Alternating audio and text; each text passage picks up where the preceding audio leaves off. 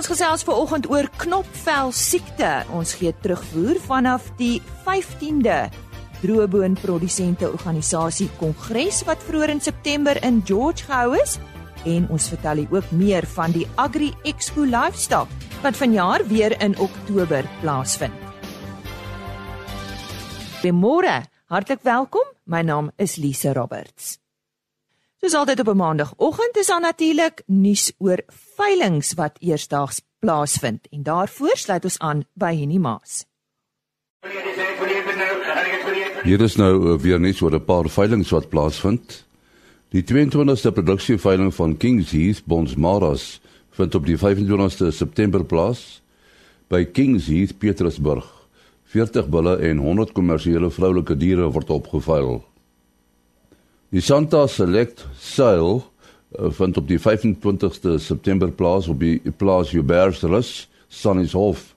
30 bulle en 40 vroulike diere word opgeveil deur Stad Stock Sales. Steven Matthews is die afslaer. Ook op die 25ste September is daar die Malherbe en Roberts se 20ste produksieveiling by Hertzogwil Veilingkrale en daar is 40 Brangus bulle, 45 Brangus stoet vroulik en 100 Brangus kommersiële vroulike diere. 20 rooi Angus bulle en 3 swart Angus bulle en 20 wit dorper ramme. Die 27ste New Alkite Bonsmara groepproduksieveiling vind op die 26ste September plaas by Warmbad Veemark Bella Bella. Daar is 25 SP bulle en 300 speenkalvers 350 vetbons maras A en C grade en 200 vroulike diere. Vleis sentraal Boswat hanteer die veiling. Die afslaers is Michael Lassie en Stefan Greiling. Tot sover dan veiling nuus. 1085 Knopvel siekte kan permanente huidskade by vee veroorsaak en dit bring egter ook skerp dalings in die vrugbaarheid en produktiwiteit van kuddes mee en uh, kan dan die boer uiteindelik ter duisende rande kos. Nou ons gesels met dokter Johan Kloete van MSD Animal Health hieroor en uh, oor die siekte en hoe dit beheer kan word. Johan, verduidelik eers vir ons presies wat is knopvel siekte? Goeiemôre. Goeiemôre Lise. Baie dankie vir die geleentheid. Ja, knopvel siekte is 'n virus siekte en dit word deur hoofsaaklik muskiete en steekvol van besmette diere en wonde wat op die vel joudig voorkom oorgedra. So die virus besmet die bees, die bees word besmet met die virus, die virus begin dan in die bees groei en dit veroorsaak dan 'n uh, ontsteking in die dier se um, vaatstelsel en dan begin 'n mens um letsels kry. So die uiteinde is die die die huide raak beskadig en en dit veroorsaak 'n verlaging in die prys van die huid. Maar dit het ook kliniese simptome in die bees. Die knoppe wat ontstaan, daarmee gepaard is daar ook koors wat voorkom en so kortliks wat 'n mens dan kry, seker die bees wat hier nie het, temperatuur ontwikkel en dan so reg 14 21 dae nadat die bees die eerste keer besmet is, begin 'n mens hierdie letsel sien. En die letsel veroorsaak dan ongemak sere swere op die dier en jy sien fisies hierdie knoppe op die bees dis waar die naam knopvel siekte dan vandaan kom. Maar dit pas ook die geslagsorgane aan, van die spene aantas, die skedes en dan um, die uh, geslagsdele van die vroulike dier kan ook aangetast word. En dit kan duidelike tot permanente of permanente onvrugbaarheid wees. So dit dit, dit is 'n siekte van ekonomiese belang vir produsente. En ongelukkig so dies Ons staan nie heeltemal nie en daar's altyd letsels so dit is shampe dit is dit op produksie en reproduksie. Johan, hoe verloop die siekte se simptome in beeste? Dis wat gebeur is, die siekte het um, 'n manier hoe oorgedra moet word. So die mees algemeenste manier wat ons bekend is, is deur 'n uh, muskiete wat as vektore werk. Dan word hulle dan muskiete wat besmet is, deur dit op 'n bees bloed suig, suig gaan 'n ander bees toe, dat in die mond, dat hulle in die vel en daardeur dra die muskiet van die een bees na ander bees die virus oor. En dan begin daai virus in die bees uh, repliseer of groei. En ons het twee fases in dit. Ons het die eerste fase waar binne 'n paar dae temperatuur voorkom in die wees en dan daal die temperatuur 'n bietjie. Ons so tussen 4 en 7 dae en dan ons weer so tussen 14 en 21 dae het die letsels fisies begin voorkom. So dit is belangrik om te verstaan dat in die eerste oor 14 dae was nie letsels nie. En so mense begin eers die letsels van 14 tot 21 dae sien in die bees daar dit so vatbare bees dan besmet is deur die verskillende maniere en dan begin die toppetjies ontwikkel. Die letsels waar die selle afdop, rou seer is, daar's minuspartikels, vliee kan op dit gaan sit, daar kan kontak wees teen mekaar met beeste, bees kan ander bees lek, of seer op die bekke, neus neus speel, so daai seere is ook 'n bron van besmetting in die waterbakke. So die die tweede fase is dan wat dan baie keer voorkom 14 21 dae later begin mens dan eers fisies die letsels in te sien. En dit is belangrik om te let dat daai letsels kan uh daai roofies kan baie keer uh, viruspartikels bevat wat vir amper so lank as 'n maand vatbaar bly. En dit is nogal 'n bietjie anders as normaalweg met virusse. So virusse vrek gewoonlik gou, maar dis 'n manier hoe hulle 'n bietjie langer kan oorleef in so die kan dit uh, doeltreffend met antibiotika behandel word? In in beginsel kan ons nie virusse effektief met antibiotika behandel nie. Daar is ander goed wat sekere virusse doodmaak, maar die meeste virusse is nie vatbaar vir antibiotika. Behandeling se antibiotika is hoofsaaklik of primêr funksionerend teenoor bakterieë wat in diere en mense voorkom. So antibiotika het geen effek op die virus nie. En ons doen wel dat ons het ons spuit wel die beeste met 'n antibiotika en 'n anti-inflammatoriese middel en ondersteunende terapie, vitamines en so voort. En daai antibiotika wat ons daar spuit is nie om die virus dood te maak nie, want dit kan. Dit is om longontsteking en sekondêre ander sekondêre bakterieële infeksies soos van die Clostridium groep, die rooi darm groep, longontsteking te onderdruk of dit help voorkom. Want die dier is geweldig gestres en baie seere en swere uit op vel en natuurlik binne in die liggaam kan dit ook wees. En dis hoekom ons antibiotika as sekondêre beskerming gee. Nie teen die virus, maar teen sekondêre infeksies deur bakterieë veroorsaak. En hoe word dit oorgedra van een bees na 'n ander? So dit is belangrik om dit te verstaan dat daar's verskeidenheid van maniere. Die hoofbron is deur muskiete, muskietvektore wat as 'n vektor dien. Dan muskiet, muskiet byt een bees, raak besmet in sy mondwille, gaan oor na ander beeste toe. Daar is so dan word oorgedra deur die speeksel, want jy kan wessels in die bekke van beeste kry en hulle water drink, dan is daar 'n moontlikheid dat daar vir 'n periode viruspartikels op die wateroppervlakte is en in die water en beeste kan dan so die viruspartikels van 'n ander beeste in inneem. Dit kan ook ingeneem word deur vlees soos ek nou gesê het wat van die lessels van een bees na ander bees se mond toe gaan of traps uh, stalvlee byvoorbeeld of huisvlee. Dit kan ook baie belangrik en dis waar ons met naalde waar ons dit self kan oordra deurdat ons 'n bees wat in inkubasieperiode is ons nog nie die simptome sien, die letsel sien nie of waar dit bees die letsel het en ons met vuil spuite en naalde, dis net 'n spuite en naalde wat van een bees na ander bees kan oordra soms ook in die inentingsproses waar se drukgang vol beeste het, kan daar 'n beeste in 'n besmettingsstadium wees of 'n inkubasieperiode is. Ons sien nie dat daai beeste fisies siek lyk nie. Ons stent met een naald toe, ons sien of 20 beeste soos wat in die praktyk gebeur, dat hy nie ons weet dis hoe dit werk daar buite. Dit is nie die ideaal nie. Um, mense raai altyd die naalde nie, alhoewel dit ideaal is. Maar dan kan jy, as jy nie naalde ruil nie, wissel nie. Dis waar jy 'n groter kans het om van een bees meer beeste aan te steek. So dit is die hoofbronne, daar's ook rekord dat bosluise hier en daar ook daarvoor verantwoordelik is, bondbosluise, bondpootbosluise, maar dit is in die minderheid. Johan, hoe voorkom 'n mens knopvel siekte in beeste en het julle 'n MSD oplossing daarvoor? Hoe mense voorkom, dis is eenvoudig. Die belangrikste, mees effektiewe manier is deur inenting toe te pas deur dat ons inenting gee se lewendige virus en stof wat 'n mens um, gebruik. Dit is gewoonlik 'n eenmalige inenting wat ons studien kalvers hierso van 3 tot 6 maande en dan natuurlik koeie elke jaar van mense koeie en die die kudde beeste in in in in 'n eenmalige onderhoudsinente.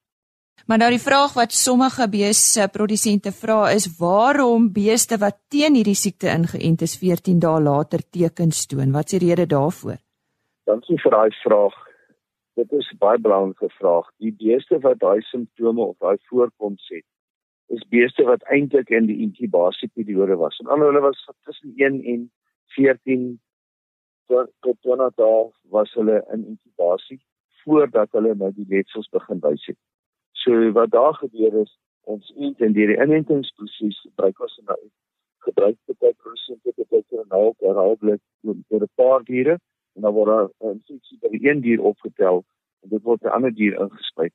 So kry die ander diere dan daai siekte want die veldstam is bietjie vinniger en meer aggressief as die enselstam, maar die beeste wat klaar op wel het nog wel gaan ontwikkel. Die instof kan nie het nie genoeg tyd om vir daai beeste immuunreaksie te laat opbou. So daai beeste klaar besmet is wanneer jy daar in en hy wys simptome en so die assosiasie word dan gemaak nie maar dis die instof. Nee, dit is nie die instof nie, dit is 'n veldstam-besmetting wat die beeste alreeds het. Op watter ouderdom moet jy die beeste begin inent? Ons aanbeveling is dat kalwers tussen 3 en 6 maande om geënt moet word kalwers wie se maas geënt was en waarvan die kalwers behoorlike immuniteit ingeneem het deur biesmelk in eerste 6-8 ure dan hoef jy eers op 6 maande te begin in. Indien daar uitbraak in die area is dan sê ons goed los daai reëls eenkant en dadelik alles dan eintlik dan dan is jy op 'n hoë risiko en dan uh, dink jy jou beeste vir alles daar kalwers is of beeste wat nie voorheen geënt is nie, dan ent jy dit eenvoudig met hormoon. Dit is beter om dan te ent as om te sit en wag en te hoop. Ja. Kom ons gesels laastens oor die entstof. Is dit sensitief vir hitte en sonlig en kom ons gesels dan ook sommer oor spuite en naalde van toediening. Ehm uh, miskien kan jy net vir ons boere weer sê hoe belangrik dit is. Ja, die enstof is 'n lewendige virus enstof. So dit is baie sensitief vir hitte. Dit is sensitief vir hitte as dit buite die yskas van. So as jy daai enstof uit die ys uit die koue uh, koue ketting uit al hierdie yspakkie, die die uh, koelersakkie met 'n yspakkie en jy maak hom aan, dan moet daai enstof binne 'n uur maksimaal 2 uur, maar ons verkies dit as dit binne 'n uur van um, aanmaak in die bees in is. So jy moenie meer aanmaak as wat jy 'n uur gaan gebruik nie. En dit moet in jou koue koue houertjie bly. En dit is ook gevoelig vir direkte sonlig. En jy sal nie onnodig die spuite en dit buite los dat die sonlig die ultraviolet strale die virusse affekteer nie vuilnaalde of naalde wat skoon gemaak word en wat dan in hergebruik word wat uh, met ons wil of alkohol of enigiets in daai ehm um, van daai met van daai chemikalie en dit kan moontlik baie keer effek hê op die enstof as mens dit aanmaak en dit beland in die botteltjie, dan kan dit die virus doodmaak en dan is daai virusbotteltjie se enstof funksionaliteit nie doeltreffend nie. Van die viruspartikels moet lewendig wees om in die, in die bees in te gespuit te word. Nou ja, ons sê baie dankie aan Dr. Johan Kloete. Hy is van MSD Animal Health en hy het met ons gesels oor knopvel siekte. Die 15de kongres van die droëbone produsente organisasie het op 5 September in George plaasgevind. Ons medewerker in die Oos-Kaap Karen Venter het die geleentheid vir RSG Landbou bygewoon. Die hoofbestuurder van die droëbone produsente organisasie, Chris Kleingeld, gee terugvoer oor die kongres. En daarna praat Karen met een van die sprekers. Dag Karen, baie welkom hier by die droëbone kongres hier by Oubaai hotel naby George. Dit is vir ons 'n groot voorreg om hierdie kongres aan te bied. Dit is ook vir ons baie lekker om so baie ouens wat uh, belang het by die bedryf hier te verwelkom. Hier is in totaal 180 gaste wat een van die grootste kongresse is wat ons nog gehou het. Ja, ons is bekommerd oor die afgelope seisoen in die droëbone bedryf. Hoofsaaklik omdat dit die eerste keer in baie jare is dat die droëbone bedryf gemiddeld nie hulle insetkoste kan betaal nie. En dit is as gevolg van baie reëns in Maart en April net voor oestyd. So 'n geweldige kwaliteitskade met die reën gekry en daarbey baie markonsekerheid wat veroorsaak dat pryse baie laag is en as ons dan die som maak ton per hektaar maal met die gemiddelde prys, dan is ons nie in staat as 'n bedryf om ons direk inset te betaal nie. Ehm um, buiten die weer wat vir ons groot risiko's inhou, is ons maar almal onseker oor die stand van die politiek in die land. Ehm um, daarom ook dan die gasspreker wat vir ons spesifiek gepraat het Theo Venter um, om vir ons net 'n bietjie rustigheid te gee en dan ook vir ons te sê daar is 'n toekoms. Ons moet saamwerk met die regering van die dag en uh, probeer oplossings vind wat in ons almal se belang is. Ek dink die ander ding waarvan ons moet kennis neem as 'n land in Suid-Afrika is die risiko van water um, wat ook baie duidelik vir ons toegelig is deur Anthony Turton en sodat ons bewus kan wees hier's eksterne faktore hier rondom ons wat ons vermoë om te kan boer en om te kan deelneem aan die wêreldekonomie drasties kan beïnvloed as ons nie betyds daarvoor beplan nie. Dan wat die toekoms aanbetref, um, ons is landbouers, so ons is optimisties van geaardheid. Ons produseer doelgerig vir ons kliënte. Ehm um, en ons weet vir die seisoen wat kom, gaan ons onder druk wees in terme van um, bronne om finansiering te kry om te kan plant. Die ander groot haakplek in die bedryf is likwiditeit van voorraad waar dit nie of waar dit moeilik raak om voorraad te skuif wanneer jy die geld nodig het. En uh, na ons mening is waarskynlik die beste oplossing om beter kompeterend te produseer vir die uitvoermark. So ons is absoluut daarop ingestel vir die seisoen wat kom. En dan moet ons op ons knieë bly en glo dat ons nie weer so baie reën gaan kry nie want al doen ons alles reg as die weer nie saamspeel nie dan het ons nie kwaliteit om uit te voer nie. So dis vir ons lekker om almal in die bedryf hier te onthaal. Ehm dit was 'n groot geleentheid en ons is positief vir die seisoen wat voorlê. Ons sien daaruit om julle weer by 'n volgende kongres te sien. Gesels 'n bietjie hier met die politieke analis uh Theo Venter, uh ken hom daar van Potchefstroom se wêreld en die man het nie sy woorde gemins vandag nie.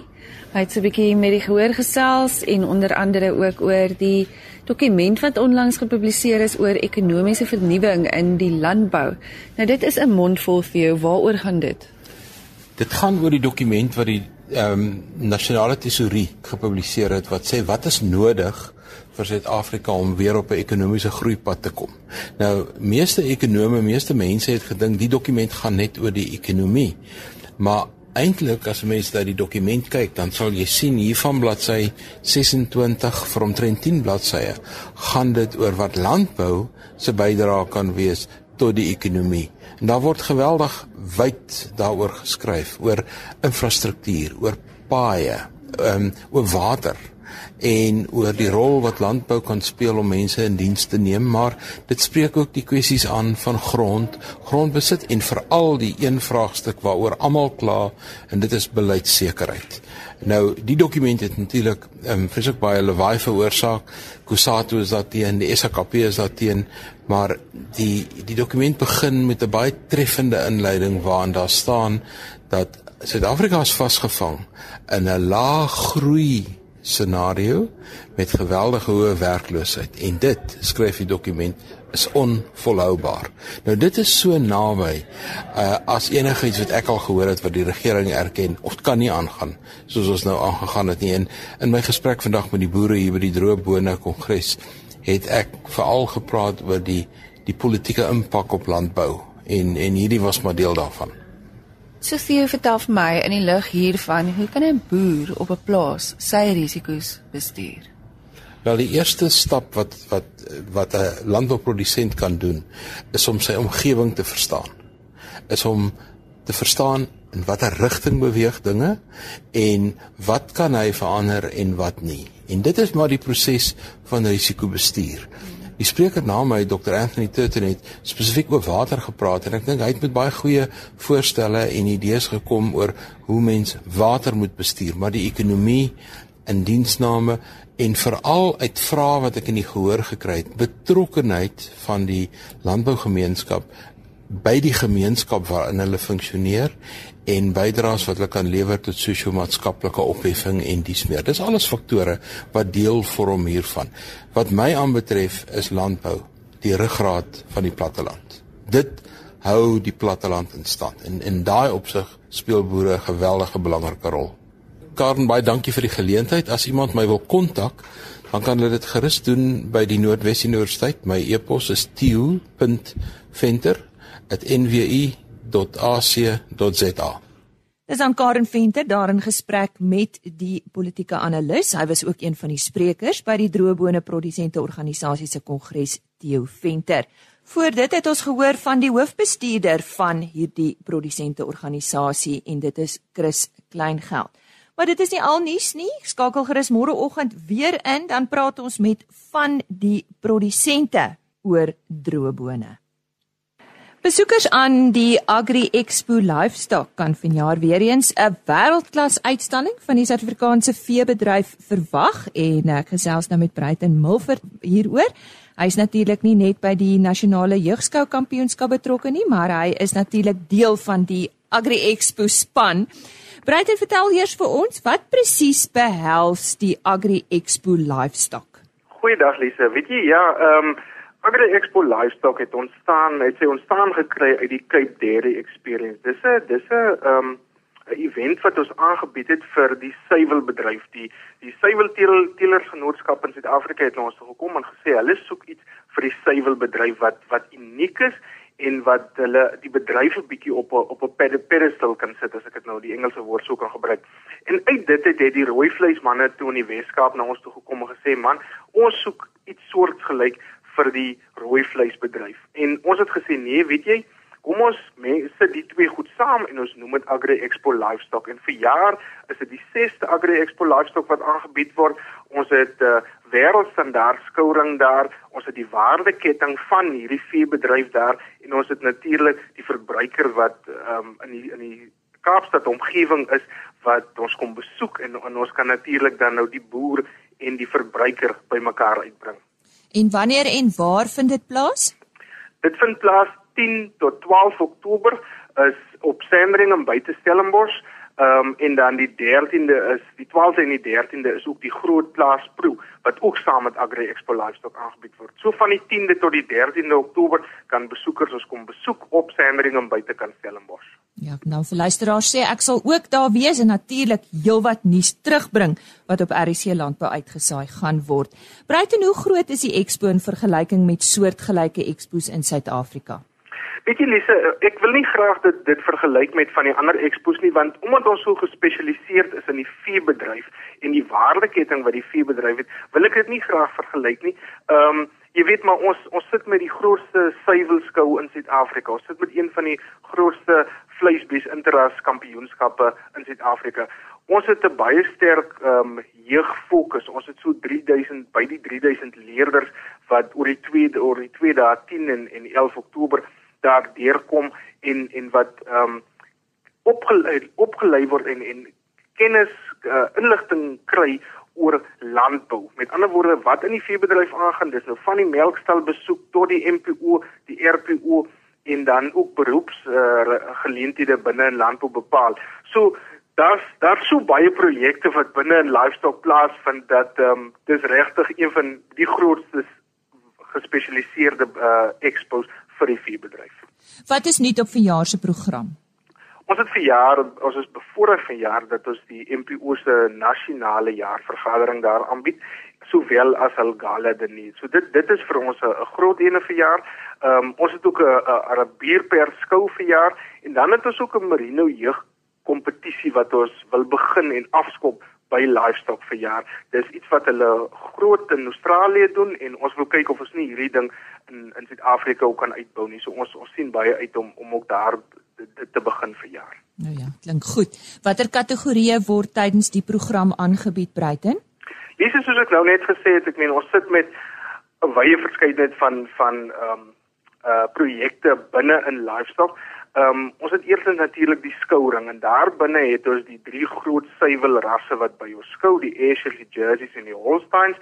Ehm um, en dan het ons ook 'n baie lekker Angus skou wat hier plaasvind en dan het ons die die vleisbees interras kampioenskappe die Saterdagmiddag. Ehm um, saam met dit het ons natuurlik ook inligtingsdae. Ons ons ons is baie sterk gefokus op op uh, information exchange soos die Engelsman sê en ons het twee inligtingsdae die donderdag die 10de Oktober is daar 'n bok inligtingsdag en Vrydag die 11de Oktober is daar 'n vleisbees inligtingsdag. Goed, ons is ook bevoorreg om verjaar vir Kleinjan Gasekome hier te hê wat um, in 2015 aangewys is as die nasionale vleisbeesboer van die jaar.